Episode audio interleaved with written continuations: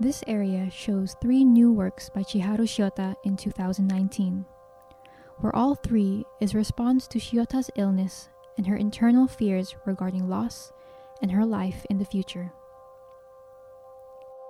In the work Out of My Body, bronze body parts are scattered on the floor, with red net like leather pieces hovering above. This piece expresses Shiota's feelings as she received the news that her cancer had resurfaced after 12 years of being in remission. She had to undergo chemotherapy and an operation that made her feel as if a part of her soul was left behind. Despite this painful experience, Shiota retained an optimistic spirit that pushed her through the preparation for the Soul Trembles.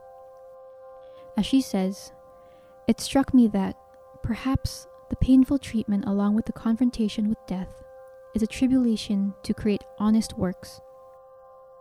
This exhibition will present works from the past 25 years. It is indeed a dialogue with my unveiled, naked soul. The work titled Rebirth and Passing is an installation made after illness, featuring doll sized body parts wrapped in red threads, surrounded by sculptures of what appear to be organs encased in glass, as well as glass delicately blown through threads, echoing her fiber works. This is Shiota's first glass work that fittingly describes the state of the body and soul that is vulnerable. For Chiharu Shiota, the soul and human existence are built on memories. Memory is what makes people experience life and have unique stories. Shiota believes that memory is the most important part of a soul, and without it, humans are no more than a network of organs.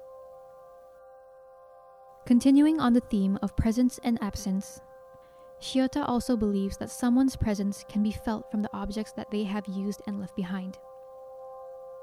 The work, Connecting Small Memories, is an installation of small objects collected by Shiota for years from the flea markets and antique stores. These objects consist of doll houses, pieces of furniture such as small beds, chairs, and pianos, as well as some miniature versions of Shiota's past works that she has recreated. All these objects are linked by red threads. When Shiota collects objects from people that she has never met, she sees and reads their stories from these objects, and gradually she begins to see their existence.